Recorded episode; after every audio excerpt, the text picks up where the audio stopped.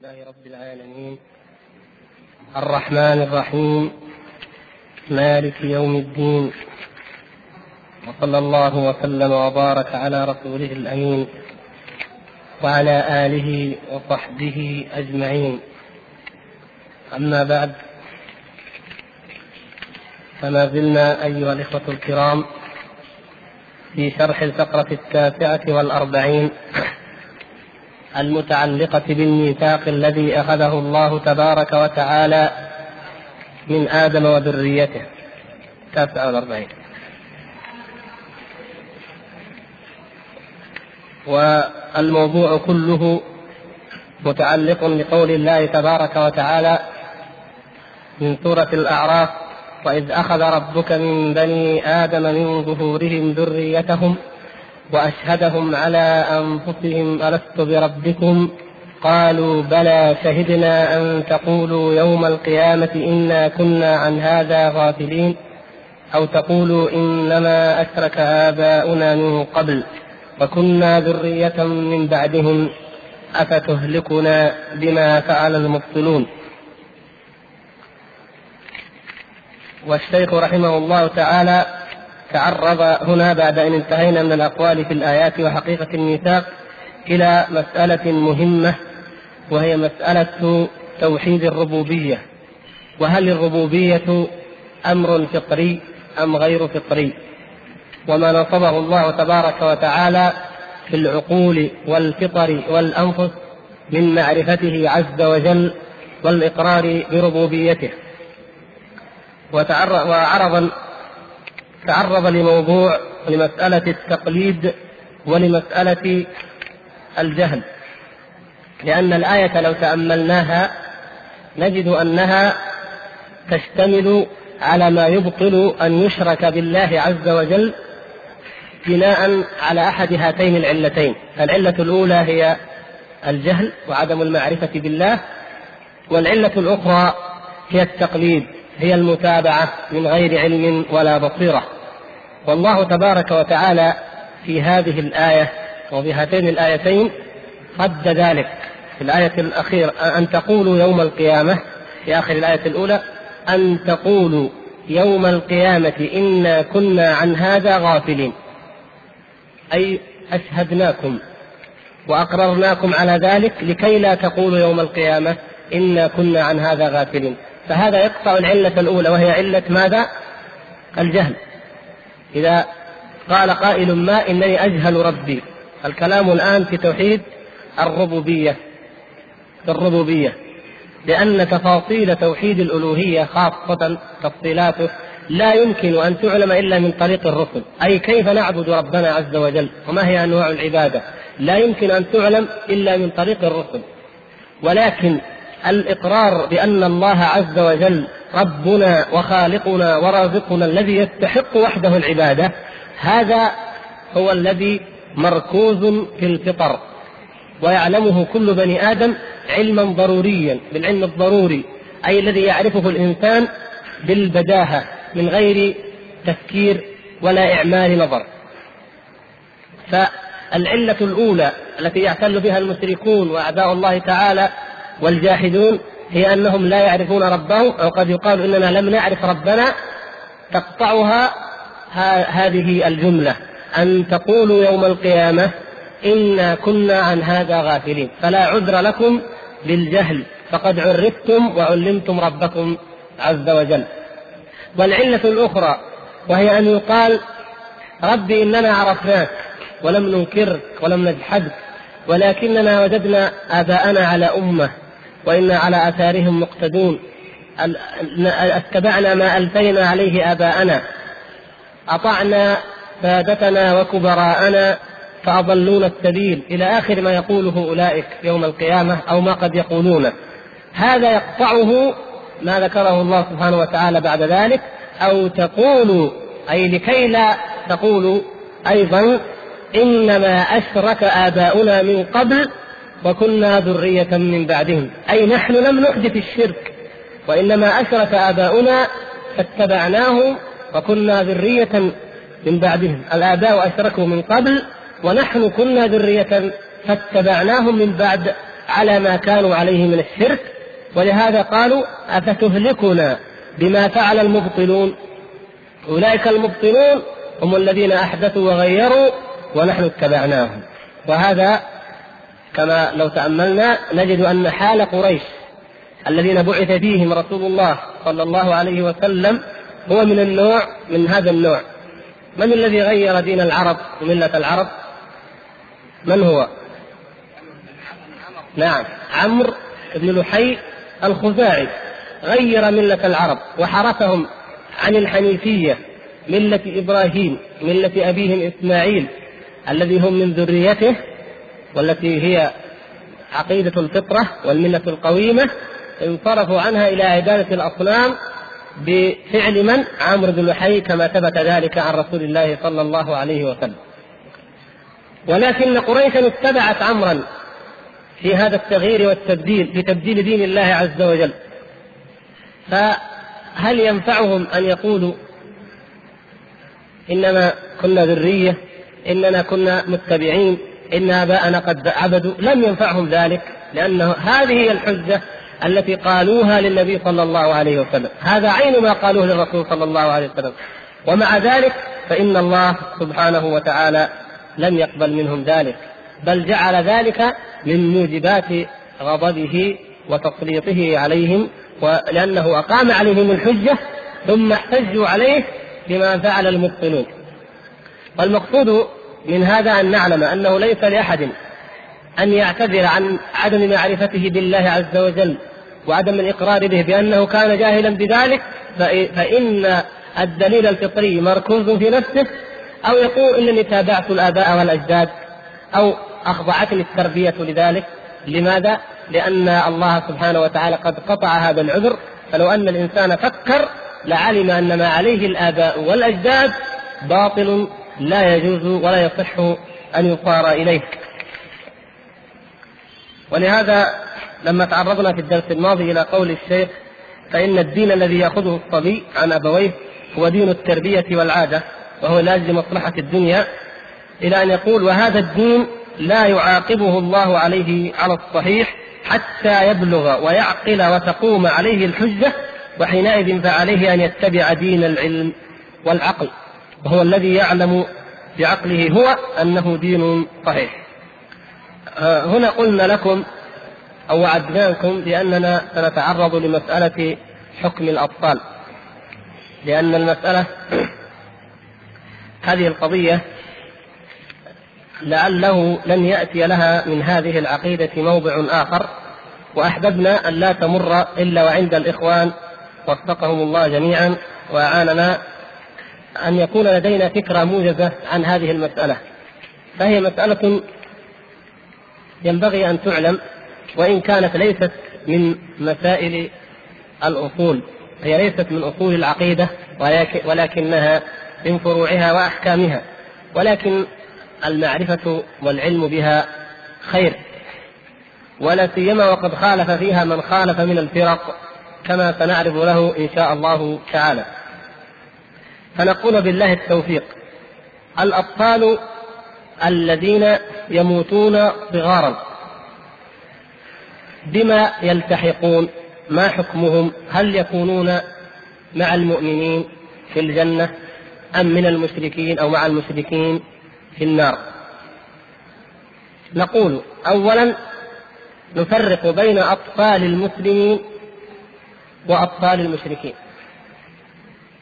رأيتم؟ فنقول أطفال المسلمين ما حكمهم؟ الذين يموتون من المسلمين وهم صغار. نعم القول الصحيح بل هو قول أكثر العلماء بل لو قيل إنه إجماع لما كان خطأ لأن من خالف لم يأتي بقول مثبت إلى مخالف من السلف. وإنما قد ينقل أن السلف اختلفوا في الأطفال وهم إنما اختلفوا في الحقيقة في من؟ في أطفال المشركين. لكن قد يكون القول مجملا أو قد يفهم القول مجملا. وإلا فالواقع أن الصحابة والسلف الصالح لم يختلفوا في أطفال المسلمين في الجملة من حيث الجملة أنهم في الجنة. فأطفال المسلمين في الجنة. لأنه ما من مولود إلا يولد على الفطرة على الملة على هذه الملة أي على ملة الإسلام. فهذا الذي ولد على ملة الإسلام وفي دار الإسلام ومن أبوين مسلمين قد ولد إذن على الإسلام وقد مات عليه وهو دون سن التكليف ولا يكلف الله نفسا إلا وسعها ولا يحاسبه الله عز وجل. وهو دون سن التكليف. ولهذا تذكرون ما تعرضنا له فيما مضى وقلنا هل يجب على الطفل المسلم إذا رأى علامة البلوغ من شعر أو احتلام أو ما أشبه ذلك بلوغ خمس عشرة سنة العلامات التي ينص عليها العلماء إما أن يبلغ الطفل خمس عشرة سنة أو أن يحتلم أو يظهر الشعر على في وجهه وفي آه العانة. نقول هل إذا وضع إذا ظهرت هذه العلامة على إنسان على طفل فبلغ إذا أصبح من البالغين. هل نقول له آمن أسلم قل لا إله إلا الله ثم ابدأ صلي؟ أيوة لا نقول ذلك. هذا هو. ليس لهذا القول أصل من كتاب الله ولا من سنة رسوله صلى الله عليه وسلم وإنما أحدثه بعض أهل الكلام. لماذا؟ لأنه مولود على الفطرة وهو مسلم. وعلى الفطرة القويمة وإنما انتقل من مرحلة ما دون التكليف إلى ما إلى مرحلة التكليف والإلزام والالتزام بالأحكام الشرعية. إذا هذا انتقال طبيعي فقط من طور إلى طور من مرحلة إلى مرحلة وليس هنالك تغيير في المعتقد. فإذا نفهم من ذلك أن أطفال المسلمين هم مسلمون. وهذا الطفل أيضا لم ما دام أنه دون سن التكليف وهو أيضا لم يأتي بما بما يوجب انفصاله عن والديه والآباء تبع الأبناء تبع لآبائهم أرأيتم أبناء الكفار في أحكام الدنيا تبع لمن؟ لآبائهم لو أننا ذهبنا لنقاتل كفارا فهل نقتل أبناءهم؟ طبعا نحن معروف أننا لا نتعمد أن نقتل طفلا ولا امرأة ولا شيخا هرما لكن لو خرجوا خرج الكفار بأطفالهم وضربهم صفا أو رموا مدننا ورمينا مدنهم فسيموت الأطفال وسيموت النساء والكبار. فأطفالهم يعتبرون نعتبر أننا قتلنا مسلمين؟ لا أطفالهم منهم هم منهم. هكذا أيضا جاء في الحديث أي في أحكام الدنيا. فأبناء الكفار هم منهم في أحكام الدنيا. ولهذا من ثبت أنه ابن لكافرين فإنه يظل ابنا لهما في أحكام الدنيا سواء كانا ذميين أو حربيين. ولا ينقل ذلك إلا بالأحكام الشرعية المعروفة بأن يؤثر أبواه أو بأن يقام عليهما آه، حد ما يوجب ذلك. يوجب أن لا يكون له عليهما ولاية. المقصود أنهما في الدنيا أنهم في الدنيا تبع لآبائهم. وفي الآخرة يختلف الحكم لأمر آخر لأن هنالك الحساب هنالك آه، الحكمة الله سبحانه وتعالى وعدله تمنع جريان ذلك. إذا الأصل العام أن الأطفال ماذا؟ تبع لآبائهم. وهؤلاء الأطفال أيضا آباؤهم مصلون مسلمون مؤمنون فهم أيضا مؤمنون. هذا أيضا وجه لما يرجح ذلك أنهم تبع لهم ولم يفعلوا طبعا قلنا إيش أنهم ما داموا دون سن التكليف لم يفعلوا ما يعاقبهم الله سبحانه وتعالى عليه لأنهم دون السن المؤاخذ بالعقوبه من جهة الأحكام التي أوجبها الله سبحانه وتعالى على عباده والفرائض التي افترضها الأحكام التكليفية.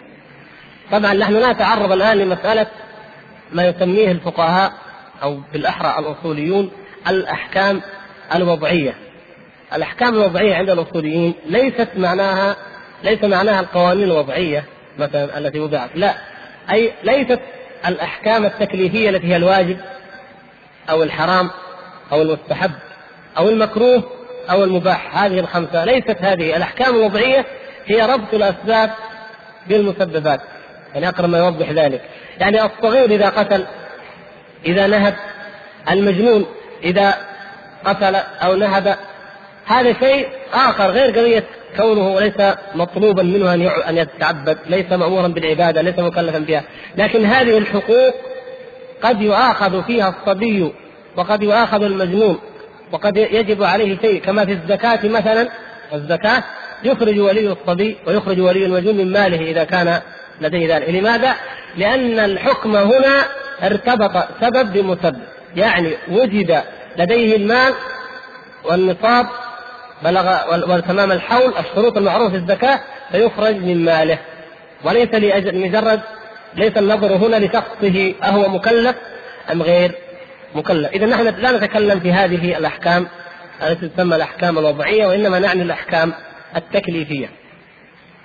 فهذه الأدلة هل هناك من النصوص ما يؤيد وجهة النظر هذه؟ نقول نعم. ثبت الحديث في الصحيحين في حديث الحديث الطويل. آه، منام النبي صلى الله عليه وسلم لما أن رأى من عجائب ما رأى صلى الله عليه وسلم من عالم الغيب. هنالك من جملة ما رأى رأى شيخا كبيرا وحوله ولدان. رأى ذلك الشيخ الأبيض الوقور وحوله حوله الولدان. فلما سأل الملكين اللذان يقول اللذين يقولون انطلق انطلق من هذا الشيخ ومن الذين معه قالوا هذا إبراهيم. هذا الشيخ من؟ إبراهيم الخليل. أبونا وأبو نبينا صلى الله عليه وسلم جدنا جميعا. قال هذا إبراهيم. وهؤلاء الذين معه ولدان المسلمين. وأيضا جاءت في رواية ولد أو ولدان المشركين.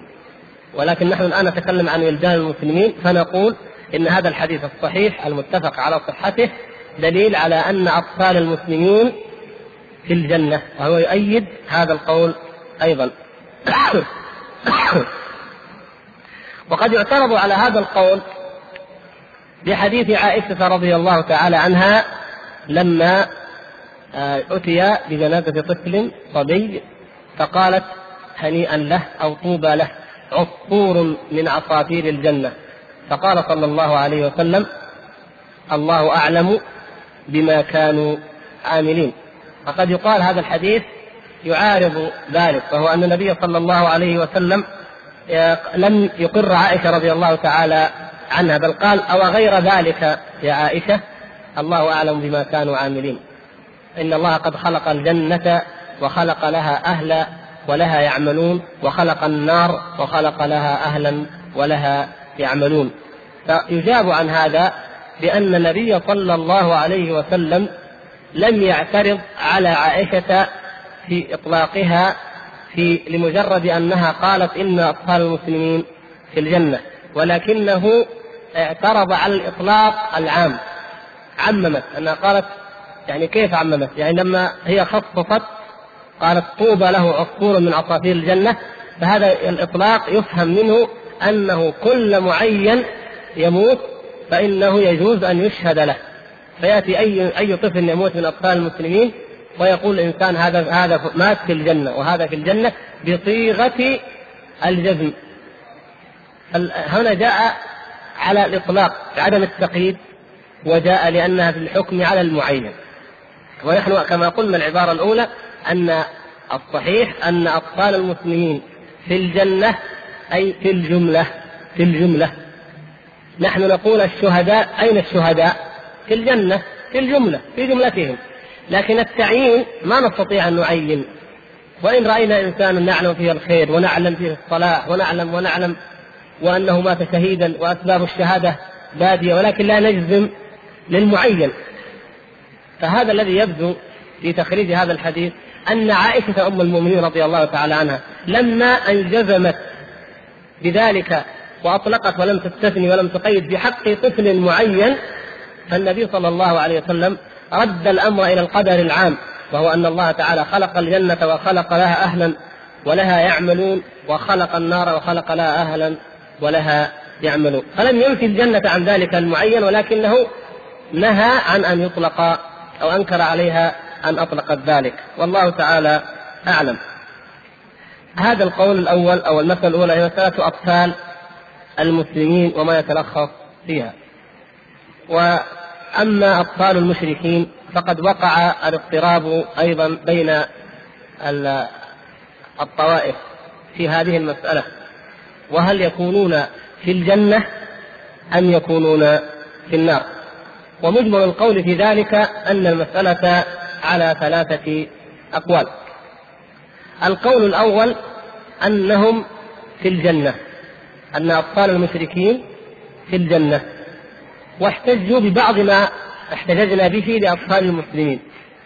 الأول أنهم على الفطرة وأن كل مولود يولد على الفطرة. الثاني أنهم تبع لآبائهم لا طبعا لأن معروف أن آبائهم في النار. ولكن الثالث وهو أنهم لم يفعلوا ما يؤاخذون به. ولم يفعلوا ما يعذبون به. فهم إذا على الفطرة القويمة السليمة ولم يفعلوا ما يؤاخذون ويعاقبون به. فاللائق بعدل الله سبحانه وتعالى وبرحمته أنهم أن يكونوا في مع أصحاب الجنة. وأيضا بالرواية التي وردت أيضا في نفس حديث إبراهيم عليه السلام وهو أنه وأنه رأى ذراري المشركين مع ذراري المؤمنين ولكنهم خدم لهم.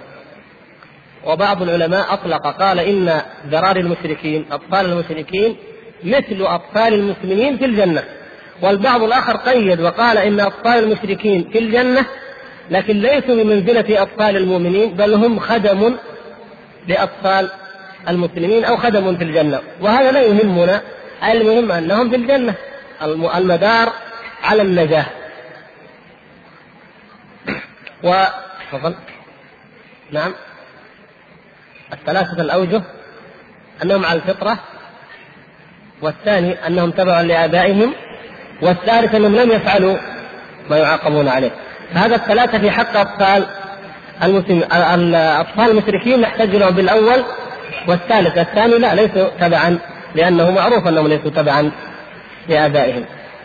وأيضا احتج الذين يقولون بأن أطفال المشركين في الجنة بما رواه الإمام أحمد رحمه الله تعالى عن النبي صلى الله عليه وسلم أنه قال النبي في الجنة والشهيد في الجنة والمولود في الجنة والوئيد في الجنة.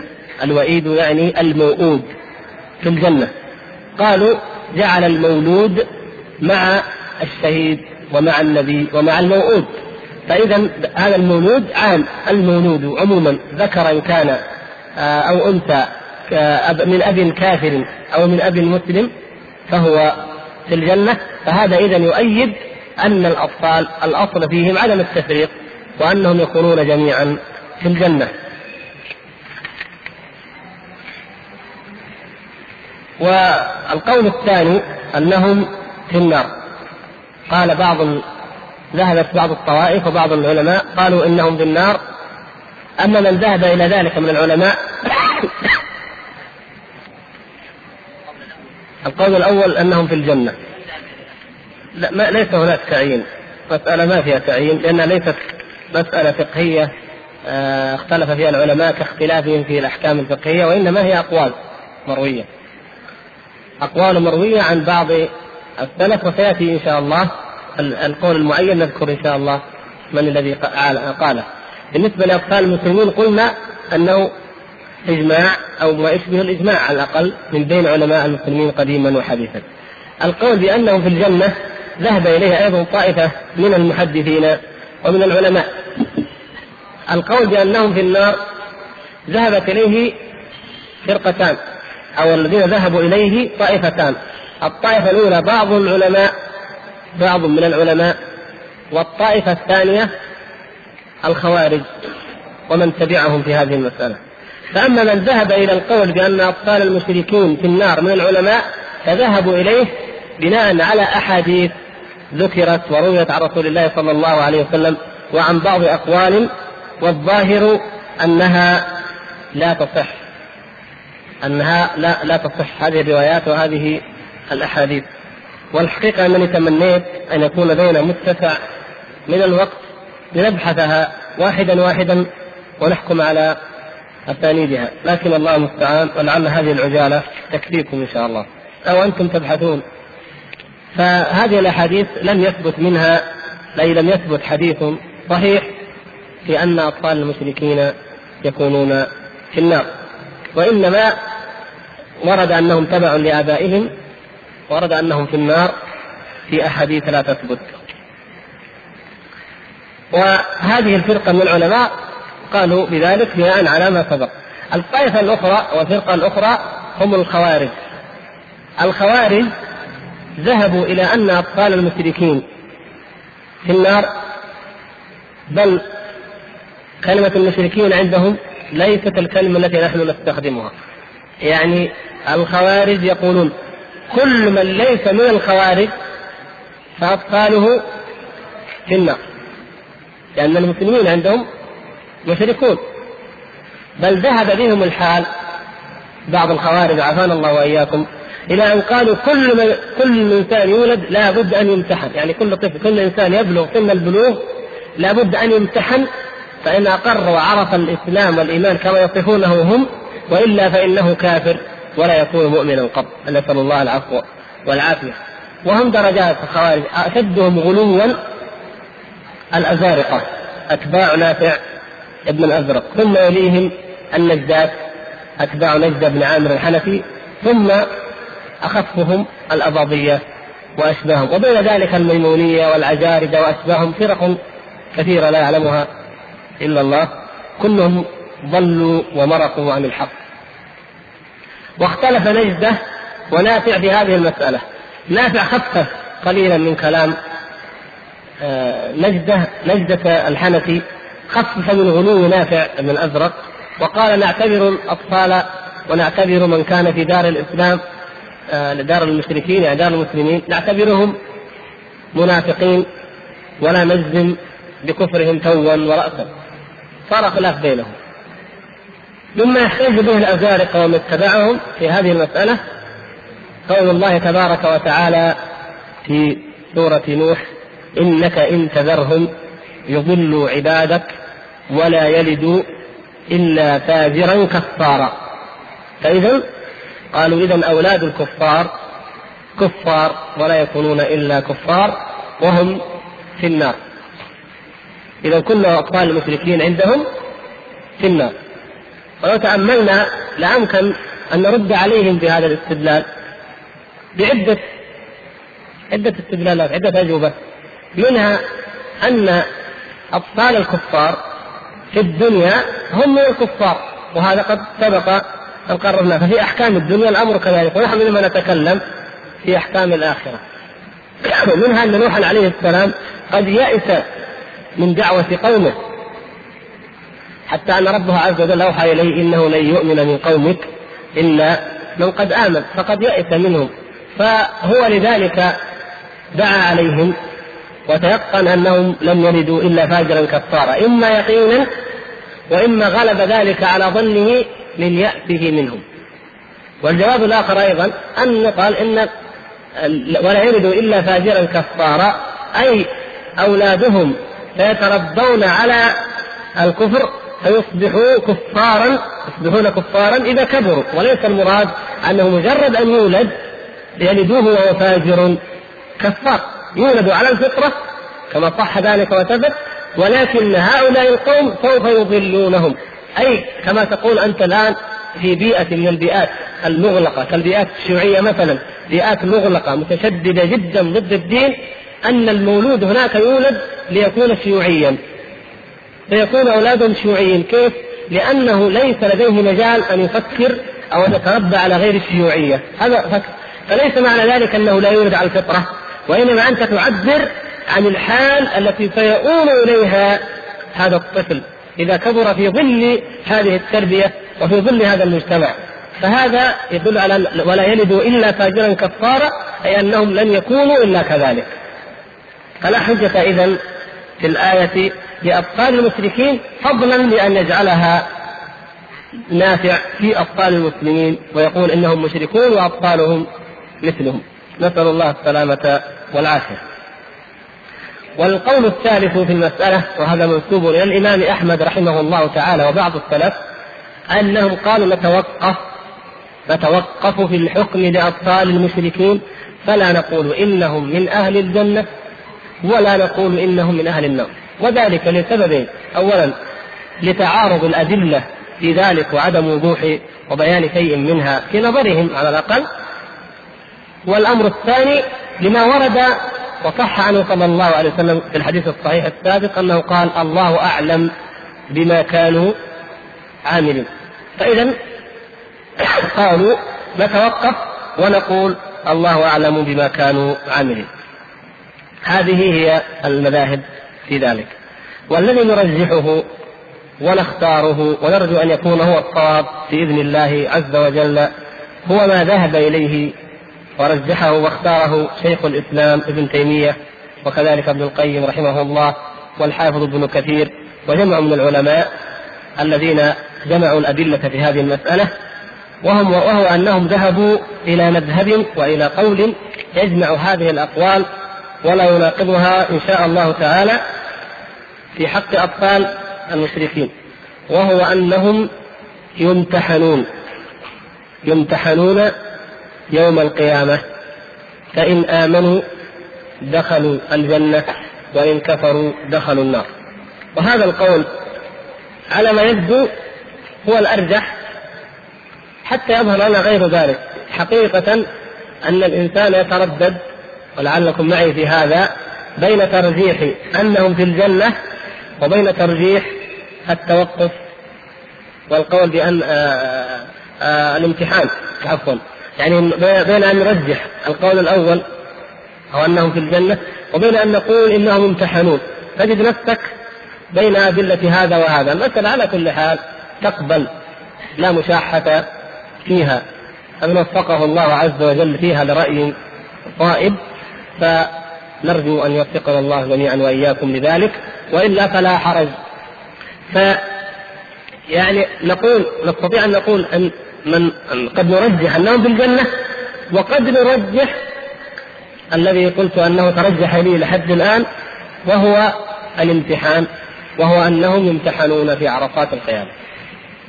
وسبب هذا التردد من أسبابه أن حديث الامتحان لم يثبت بطريق صحيح يعتمد عليه بسند واحد صحيح وإنما هو في الحقيقة مجموع طرق مجموع طرق اقوى أقوى ما فيها أن يقال إنها حسنة ويشد بعضها بعضا حديث الامتحان ما هو؟ هو حديث رواه الإمام أحمد ورواه أبو يعلى وغيرهما بطرق مختلفة الالفاظ مختلفة ولكنها متقاربة أنه يأتي آه، يوم القيامة أربعة أربعة يوم القيامة يحاجون الله عز وجل. وهم رجل في بعض الروايات آه، أصم والرجل أبكم ورجل أحمق ورجل صاحب فترة وفي بعض الروايات أنه رجل أنه مولود صغير وأن والأحمق آه، مكانه المجنون أو المعتوه وأنه أيضا صاحب الفترة وأنه والرابع رجل هرم فيأتي هؤلاء ويقول يقول الطفل الصغير يا ربي إن مت إنني مت صغيرا ولم أدرك النبي أو لم أسمع ما جاء به النبي صلى الله عليه وسلم. ويقول الكبير يا ربي قد بعث النبي وأنا لا أعقل ولم أفهم شيئا. ويقول المجنون أو المعتوه يا ربي بعث النبي والأطفال يحذفونني بالحجارة. لا يعقل شيئا. والأبكم والأصم كذلك. فلو تأملنا مجموعة الطرق نجد أن الأربعة إذا نرجعهم إلى هذا إلى أنهم جميعا لم يتبينوا إما لصغر السن الصغير لصغر سنه لم يتبين الدعوة ولم تبلغه وإما لكبر السن كبير رجل هرم كبير ما سمع جاءت بعثة النبي صلى الله عليه وسلم أو أي نبي قبله وهو هرم لا يعقل. وإما لما يمكن أن نسميه فقدان العقل أو فقدان الإحساس. وهذا يشمل عدة يشمل المعتوه المجنون الأصم الأبكم كل ذلك يشمل أنهم ليس لديهم الحاسة التي يستطيعون بها أيضا أن يعلموا. وصاحب الفترة رجل يقول يا ربي ما سمعت بنبي قط وما وصلت إلي رسالة رسول قط. فهؤلاء الأربعة يمتحنهم الله عز وجل في عرصات القيامة بأن يوقد النار أو بأن يخرج يخرج لهم الانسان من النار. فيقول لهم ادخلوها. فإن دخلوها كانت بردا وسلاما عليهم. وإن عصوا وأبوا ألقوا فيها. هذا امتحان يمتحنهم الله تبارك وتعالى. والاستدلال على هذه القضية يأتي من وجهين. الوجه الأول هو هذا الذي ذكرناه من الطرق والأحاديث والروايات. والوجه الثاني وهو أقوى منه ثبوتا في الجملة أن الامتحان والابتلاء ليس خاصا بهذه الحياة الدنيا. لاحظتم يا إخوان هذه القضية؟ الوجه الأخير هذا مهم أن نعلم أن نعلمه. لو سئلت هل الامتحان والابتلاء خاص بهذه الحياة الدنيا؟ أن يمتحن الإنسان في دار البرزخ ويمتحن في الدار الآخرة بما تجيب؟ يمتحن. هل هناك دليل على أن الإنسان يمتحن في البرزخ؟ نعم حديث القبر. يمتحن الإنسان فيقال له من ربك وما دينك؟ ومن نبيك آه إذا هناك امتحان. ويوم القيامة أيضا امتحان؟ نعم امتحانات. ومن ذلك أن الله سبحانه وتعالى كما ثبت في الحديث الصحيح يتجلى لعباده المؤمنين في صورة غير الصورة التي يعرفون. يمتحنهم بذلك. ويكون الموقف المهيب المهيب الذي نسأل الله سبحانه وتعالى أن يجعلنا وإياكم فيه من المثبتين في الدنيا والآخرة. دار الآخرة إذا دار امتحان ودار ابتلاء ويمتحن الله سبحانه وتعالى فيها من يشاء. فالامتحان في الدنيا وفي البرزخ وفي الآخرة.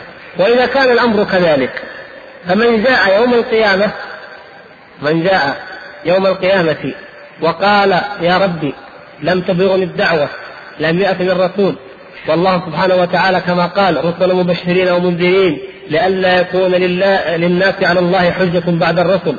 ويقول آه، في الحديث الصحيح لا أحد أحب إليه العذر من الله. الله تعالى لا أحد أحب إليه العذر من الله عز وجل. وأعذر إلى الناس وأقام البينات. ولذا ولهذا أرسل الرسل وأنزل الكتب.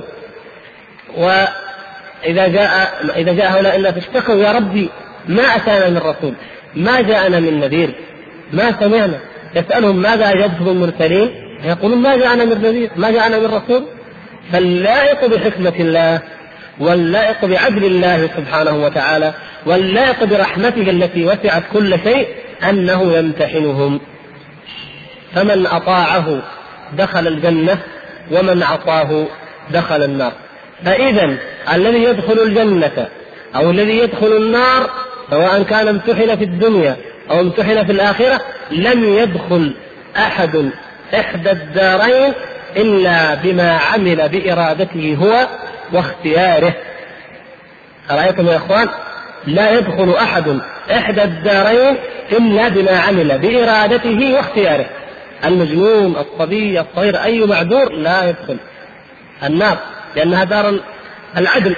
وأما الفضل فالله سبحانه وتعالى يمن به على من يشاء لكن لا يعذب أحد بمجرد أن الله عز وجل علم أنه سوف يعصي هكذا أنه كتب عليه أنه يكون من أهل النار هكذا لا فمن علم الله أنه سيعصي فسيعصي ربه ولو كان ذلك في عرصات القيامة ويفعل ذلك باختياره وإرادته هو فيدخل النار بناء على ماذا؟ على عمله وعلى اختياره فاختار أن يعصي الله فإذا يستحق عذاب الله سبحانه وتعالى.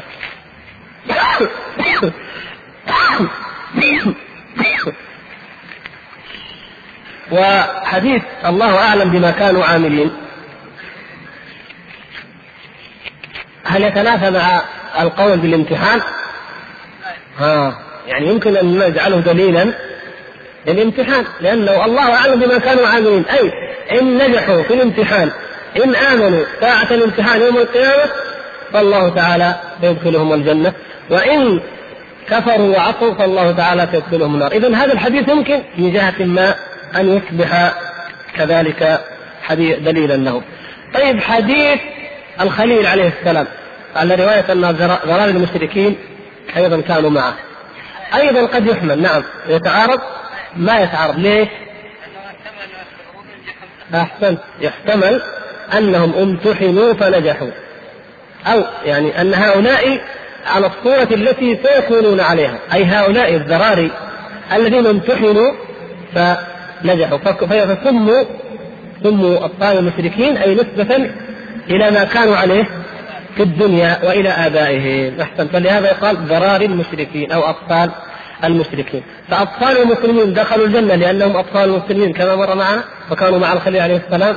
وأطفال المشركين كانوا مع الخليل في الجنة لأنهم الذين نجحوا في الامتحان أي أطاعوا الله سبحانه وتعالى. فلا ينصرف القول إذا لا لا يمنع ذلك أن يوجد منهم من هو في النار. وكما تعلمون النار عندما يدخلونها لا يدخلونها أطفالا ولا يدخلونها كبارا هرمين فهم يكونون في سن واحدة في سن التكليف كلهم في سن التكليف فيدخلونها فيكونون كذلك. فإذا الله سبحانه وتعالى عندما يمتحنهم فإنما يمتحنهم بحسب ما كانوا عليه في الحياة الدنيا أي أنهم لا حجة لأحد على الله عز وجل وإنما الحجة لله. على جميع خلقه. هذا ما يتلخص من هذه المسألة وقد أطال فيها شيخ الإسلام ابن تيمية رحمه الله تعالى في كتابه درء التعارض درء تعارض العقل والنقل وذكرها كذلك آه، الحافظ ابن كثير رحمه الله ذكر الأحاديث في ذلك في تفسيره لقول الله تبارك وتعالى من سورة الإسراء وما كنا معذبين حتى نبعث رسولا. ولهذا أراكم سألتم عن هذه القضية عن قضية أهل الفترة. لكن حقيقة نحب أن ننتقل إلى موضوعنا الأساس وهو موضوع توحيد الربوبية.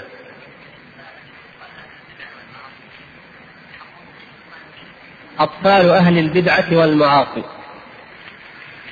إذا كانت المراد بالسؤال المراد البدع والمعاصي يعني من المسلمين الذين لم يلتحقوا بالمشركين فهؤلاء من من أطفال المسلمين فحكمهم حكم أطفال المسلمين. وأما البدع التي تخرج من الملة أصحابها مشركون فهؤلاء لهم الحكم السابق الذي يختلفون فيه لأنه نفس القضية. إذا كان النصراني يولد من أبوين نصرانيين فيكون كذلك فكذلك نجد أن المشرك القادياني مثلا أو غيره يكون كذلك في الدنيا وفي الآخرة أيضا إما أن يمتحن وإما نفس القضية ونفس الخلاف تفضل يا محمد. من عند فمن اتبع ها؟ ولا فليتأمل لا نعم فمن اتبع دين آبائه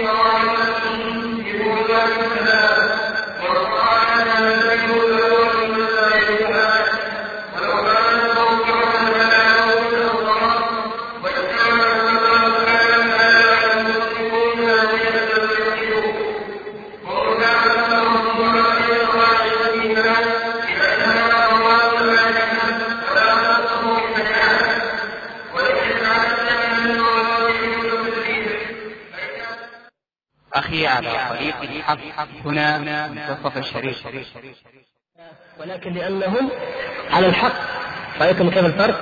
لا لأن هؤلاء آباؤه فإذا أتبعهم لأنهم آبائي لا أتبعهم لأنهم على الحق. الحالة الأخرى أنه من من يعدل عن الحق المعلوم إليه إلى ما عليه الآباء والأجداد.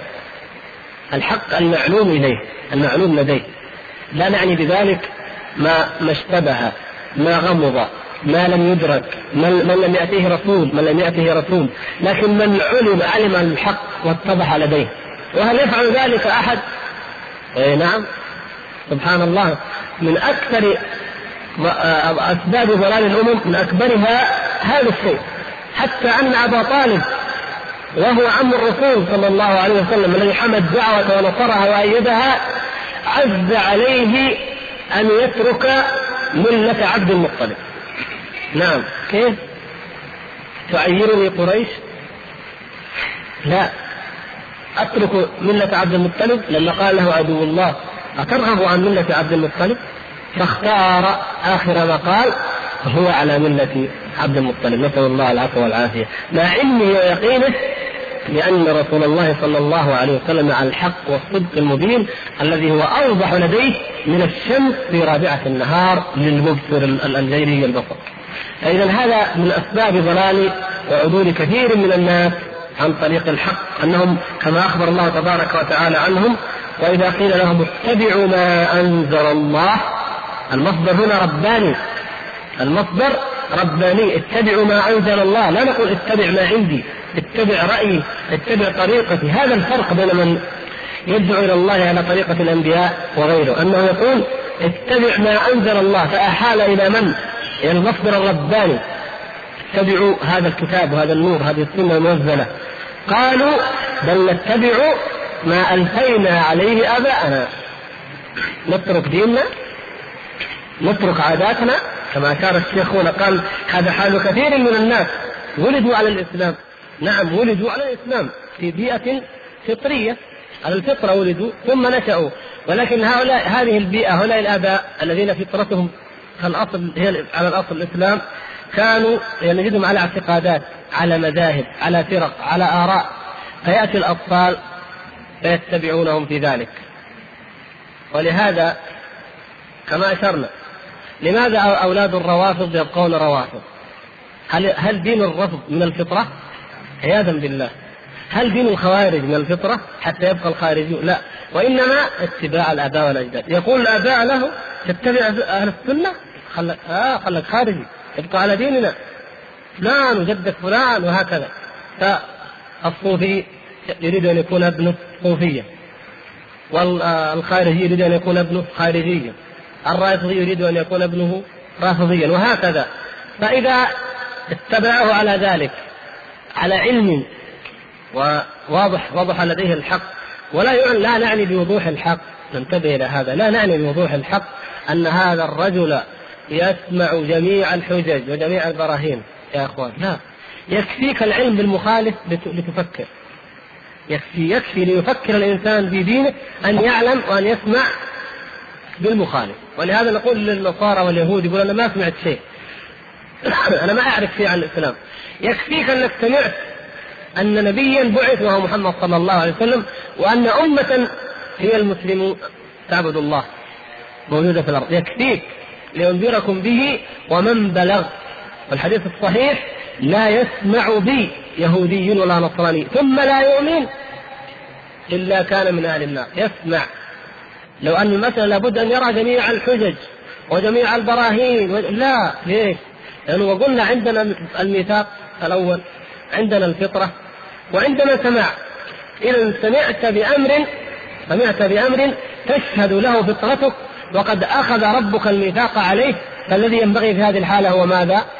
هو الإيمان إذا ليس هنالك من عذر لا للمشركين ولا لمن كان من أهل الم... من أهل الإسلام ولد في بلاد في ديار الإسلام ولكنه اتبع ما عليه الآباء من العادات القبلية أو التقاليد البيئية التي فيها شركيات أو بدع أو ضلالات أو مخالفات لأحكام الله سبحانه وتعالى.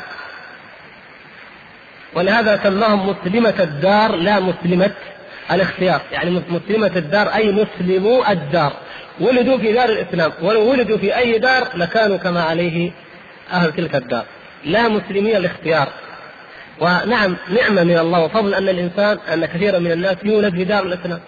لأن أكثر الناس لا يعقلون ولا يفكرون إنما يدينون بما يرون الناس عليه.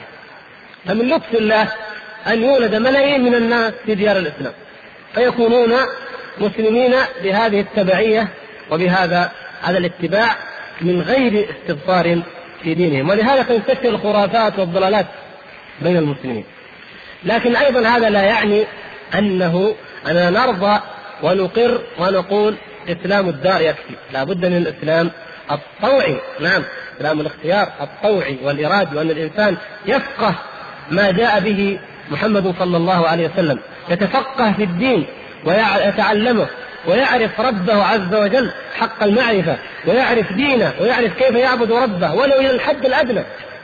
والحد الأدنى الذي الذي هو حد لا يعفى ولا يعذر فيه أي إنسان السؤال. شفاء العيب السؤال. حتى لو كان عاميا لا يفقه شيئا. لا يعذر في أن يسأل. اسأل. مو لازم يعني تقول لم أجد عالما كبيرا أسأله. اسأل من تجد. المهم أن تسأل. فلو أضلك المسؤول لتحمل هو الإضلال. لكن أما أن لا تسأل ولا تريد أن تسأل كما هو حال كثير من عامة المسلمين في الخمسين في الستين لا يصلي ولا يريد ذلك أو يصلي أي صلاة ولا يهمه أن يعرف الصلاة مع أنه يصلي في الحرم أحيانا ويصلي مع الناس ويرى صلاتهم وهي فيها خشوع فيها طمأنينة ولكن صلاته سنين أو فترات خارج ذلك أي صلاة. هذا لا يعذر ونقول هذا جاهل. جاهل لم يتعلم صح لكن جاهل بمعنى لم لم يبلغه العلم. لا. فرق بين هذا وبين هذا. الوقت الحقيقة ادركنا نحن جبنا لكم هذا الكتاب كم نسخة يا حافظ في باقي؟ ما لا إيمان ولا يقين في ذاته وفي نفسه ولا استدلال ولا استبصار ونحن ننبه هنا إلى قضية كما ذكر الشيخ. فليتأمل اللبيب هذا المحل ولينصح نفسه وليقم معه. ولينظر من أي الفريقين هو والله الموفق. فإن توحيد الربوبية لا يحتاج إلى دليل. كيف نقول إن توحيد الربوبية لا يحتاج إلى دليل؟ ثم نقول يا ناس تفكروا وتبصروا. فهمتم يا أخوان؟ لاحظتم الإشكال هذا؟ كيف هذا؟ هو هو في النفس. هو مركوز. هو لا يحتاج إلى دليل. الدليل قائم. فكيف نقول تفكروا؟ نقول وجود الدليل شيء واستظهاره شيء آخر. ألا ترون الناس اليوم هل فيهم من يشك في الموت؟ من الذي من الناس اليوم يقول أنا لن أموت؟ كافرا مسلما يهوديا بوذيا نصرانيا على أي دين على أي حال. من منهم يقول أنا لن أموت؟ ما في أحد. اذا الدليل قائم. الدليل موجود لكن من منهم يستظهر هذا الدليل؟ ويتفكر فإن كنت سأموت فأين أذهب؟ إلى أين أمضي؟ أكثر الناس في هذه المسألة كالأنعام بل هم أضل. حد حد اليوم. ماذا يأكل اليوم؟ ماذا يشرب؟ ماذا يلهو؟ أين يسهر؟ أين يمرح؟ أين يلعب؟ ولو أن الوفاة في الليل أو في غد لا يفكر في هذا على الإطلاق. وهذا حال عجيب جدا. كما قال الحسن رحمه الله ما رأيت يقينا لا شك فيه. أشبه بشك لا يقين فيه من الموت. يعني ما اليقين الموت يقين لا شك فيه عند كل عاقل. لكن انظر إلى أحوال الناس. اركب معهم في سيارة في طيارة إذ أنزل إلى السوق جالسهم في مجالسهم. كم منهم يذكر الموت؟ كم منهم يذكر الاستعداد للموت؟ كم منهم يتحدث عن ما بعد الموت. كم؟ قليل جدا. وكأنه شك لا يقين فيه على الإطلاق. لكن انظر إلى أي أمر من أمور الدنيا. لو قيل للناس يتوقع بعد عشر سنوات أو عشرين سنة مثلا أن يأتي نيزك من النيازك فيدمر جزءا من الأرض. أو أن البحر الأحمر يموج ويغرق بعض المدن. أو أن يفعل توقعات كذا. وبعد عشر وعشرين سنة تجد الناس يتحدثون في هذا في كل مجلس. ومتى؟ وكيف؟ ومن اللي بيغرق؟ ومن اللي يسلم؟ وما هي التدابير؟ وكيف نفعل؟ والدفاع المدني ولا الطيارات؟ تجد كل واحد يفكر النجاة والحيلة والوسيلة وكذا وكذا. سبحان الله تتعجب ما هذا الاهتمام. وهو شيء لا قد لا يقع. توقعات. ولكن الموت وهو يقين وحق ومتوقع ولكل مخلوق على ظهر الأرض انظر حال الناس. يبنون ما لا يسكنون. يبنون ما لا يسكنون. ويجمعون ما لا يأكلون. ويؤملون ما لا يدركون كما قال أبو الدرداء رضي الله تعالى عنه. هذا حال الناس. هذا حالهم. فما بالكم بالاستدلال بمعرفة ربهم عز وجل؟ لو قلت لأي إنسان اعرف ربك يا أخي يقول تعلمني ربي أنت. لا أنا ما أعرف ربي. أكثر الناس. انظر لأي العوام. أعرف ربي. كيف تعرف ربك كيف؟ مثل ما قلنا تقريبا. مثل ما عرفك بأنه يموت. المهم يموت بس الرب يعرف أنه في رب بس طيب هذا الرب ما شأنه. ما شأنك معه. ما معاملتك له. ما مدى إيمانك حقيقة بربك عز وجل. هل هذا إيمان حقيقي؟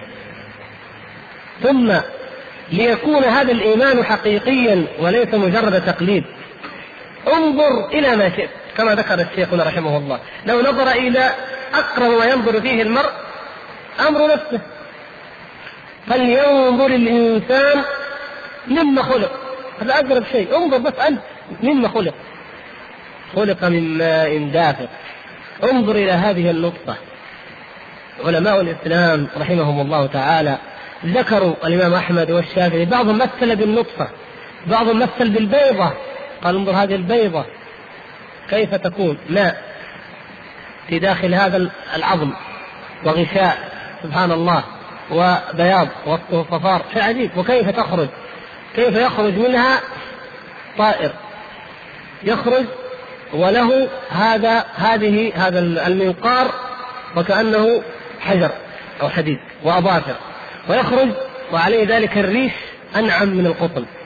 يخرج ومنه الأعصاب ومنه العيون ومنه علماء العلماء الأولون ما كانوا يقصدون بهذا المثال إلا مثال واضح عابر وإلا في الأمثلة كثيرة جدا.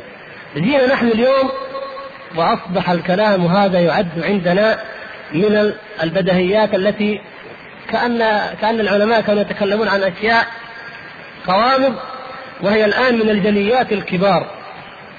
انظروا كلام الشيخ هنا. يقول لو كانت النطفة موضوعة على لوح أو طبق واجتمع حكماء العالم على أن يصوروا منها شيئا لم يقدروا. ماذا كان يظن علماؤنا السابق؟ يظن أن الإنسان يخلق من هذه النطفة جميعا. وبعدين يظنوا يقول هات العلماء هات الحكماء هات الأطباء أطباء الدنيا جميعا يخلقوا نطفة ما يستطيعون هذا الذي حير العقول في الماضي. نحن الآن يجب أن نحتار أن نحار أضعاف أضعاف تلك الحيرة. لماذا؟ لأننا الآن عرفنا شيء ما كان الأول يعرفون يعرف. عرفنا أن هذه النطفة ملايين كما يقول نحن والله ما عديناها لكن قالوا ملايين. قلنا ملايين. زي ما تقول. ملايين. ملايين من من الحيوانات. وبعدين والها وكل واحد من هذه الملايين لو أراد الله عز وجل ودخل من حيث أعد الله البويضة هذه ثم الرحم هذا سيكون بشرا سويا. سبحان الله. كل نطفة نعم. كل نطفة فيها هذه الأعداد. وبعدين قالوا وهذا الصغير هذا الذي لا يرى إلا بالمكبرات والذي يكون منه هذا الإنسان المتكبر على الله الذي إذا قيل له اتق الله أخذته العزة بالإثم والذي يسمع نداء الله حي على الصلاح حي الفلاح ويعرض ولا يبالي. هذا الذي هذا اصله ما بس كذا. العجب ليس في هذا. فلينظر الإنسان مما خلق لا تقف عند هذا الحد. قالوا هناك مثلا كمثال بسيط. شفرة الوراثة.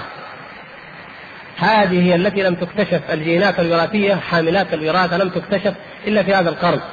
ما كانوا يدركون حتى أيام داروين التطور وأمثال ذلك. هذه يقولون شيء عجيب جدا. هذه الصغيرة جدا إيش فيها؟ كيف سيكون الإنسان؟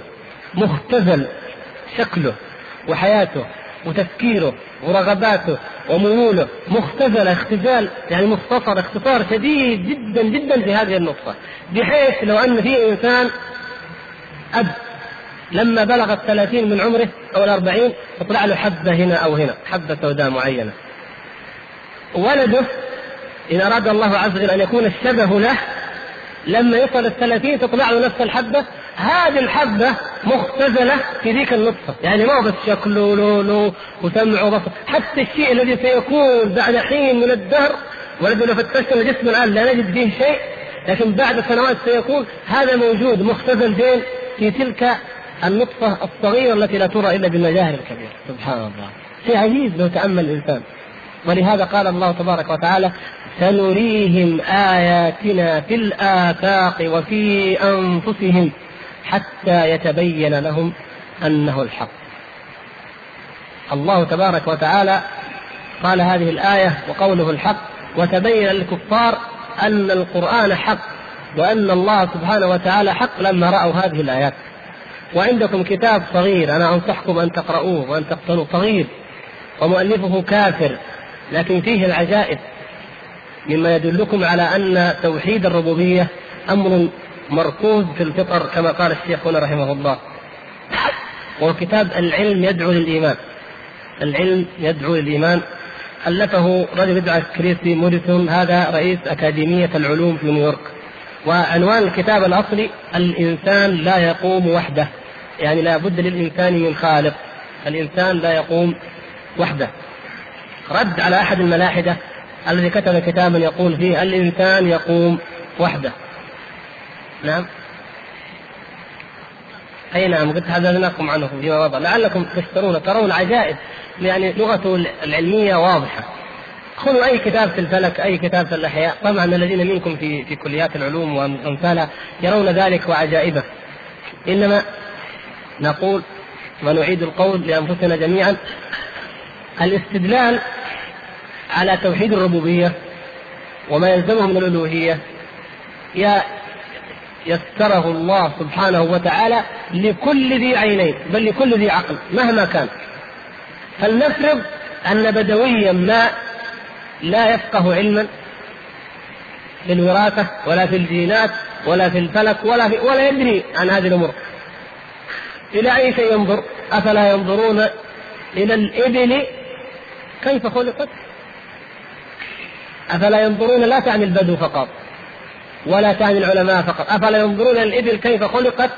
كل منا بحسب حظه من النظر. البدوي الذي لا يفقه أي شيء لا في الطبيعة ولا في الفيزياء ولا في الكيمياء ولا في الفسيولوجيا وظائف الأعضاء ولا في كذا ما نبغاك تفقه هذه العلوم يا بدوي. افقه شيء واحد تأمل في هذا الخف العجيب. كيف أنه وضع هكذا؟ بحيث أنه يوضع على الرمل لا يغيب في الرمال. ولو كان بشكل عمود لدخل في الرمل ولم ينتزع. تأمل في هذا السلام تأمل في هذا الوبر تأمل في أشعارها تأمل في ألبانها تأمل في هذه الرقبة الطويلة تأمل كيف يجتر هذا البعير تأمل كيف يسير. عجيب جدا لو تأمل البدوي أو أي إنسان عجيب جدا. إنسان يعرف أكثر من ذلك يقول له يا أخي شوف انظر هذا البعير انظر كيف خلقه الله تعالى. من ناقة ومن جمل وكيف آه، جعل الله سبحانه وتعالى لأعضائه وظيفة كذا وظيفه كذا ويتعجب. عالم عميق من علماء الأحياء المتخصصين علماء التشريح. يقول له انظر خلايا الجمل إيش فيها وكيف اودع الله فيها وانظر لكذا بين كل إنسان يأخذ من المعرفة بحسبه. لكن يجمعنا جميعا أنه يجب أن ننظر وأن نعتبر بهذا المخلوق العجيب. وإلى السماء كيف رفعت؟ ما في واحد يقول والله أنا ماني ماني عارف الأطوال والسنين الضوئية والمجرات والمدارات والكلام هذا أنا ما أعرفه. يقول أنت تعرف السماء تراها هي وحدها عجيبة عجيبة ولكن الحضارة حياة المدن أغفلتنا عنها. نحن الآن سكان المدن لولا انه في جيب كل واحد منا ورقة تقويم أو على الاشجار ما ندري. لكن الناس في البوادي ينظرون إلى القمر ينظرون إلى النجوم فيرون عجائب خلق الله سبحانه وتعالى الذي يتلألأ منها الألوان المختلفة الذي يذهب والثابت الذي يتغير بلا يتغير عجائب. انظر إلى السماء انظر إلى كواكبها انظر إلى علوها وارتفاعها من غير عمد انظر إلى عجائب ما خلقه الله سبحانه وتعالى فيها. انظر إلى الأرض انظر إلى التراب. الفلاح يقول أنا فلاح ما أفهم شيء أنا إنسان فلاح. طيب لا نخاطبك إلا من فلاحتك ومما تفقه. تأتي إلى التراب امسك التراب في يدك. في شيء؟ تراب. ماذا فيه؟ في سكر؟ ما في سكر. في آه، مواد أشياء لذيذة أشياء مرة ما في شيء. تراب. طيب. جئناك بالماء أيها الفلاح. أعطيناك ماء وسقيت هذا. طلع برتقال طلع موز طلع تفاح طلع تمر. والتمر نوع واحد؟ أنواع. سبحان الله. والبرتقال أنواع تفاح أنواع عجائب طلعت يذوب فيه شيء مثل العسل سبحان الله. منين جاء العسل من التراب والماء؟ عجيب جدا هذا. ما تتعجب من هذا؟ طيب الماء والتراب كيف يتكون منها جزء ضخم؟ ربما لو لو أطلق عليه الرصاص يرتد من قوته. جزء مثل الحجر. من خرج من فين؟ من الماء ومن التراب. كيف تكون بهذه القوة؟ كيف تمشي يمشي هذا الماء في العروق تطلع الأزهار الجميلة. من لون هذه الأزهار؟ من الذي لونها؟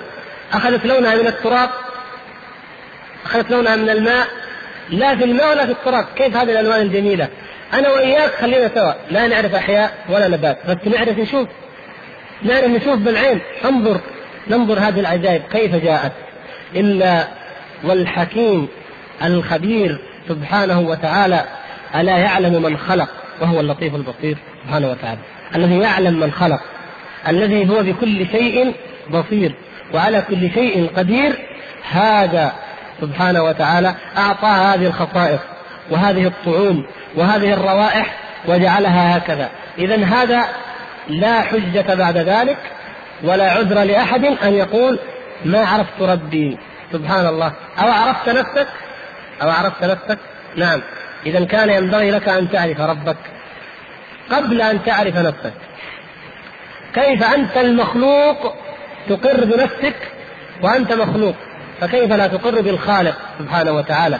الذي في كل شيء له آية تدل على أنه واحد سبحانه وتعالى. فنقف هنا إن شاء الله لنستكمل بإذن الله سبحانه وتعالى جانب الحديث عن الربوبية ونبدأ في موضوع آه، العلم ما يتعلق بالقدر. في الدرس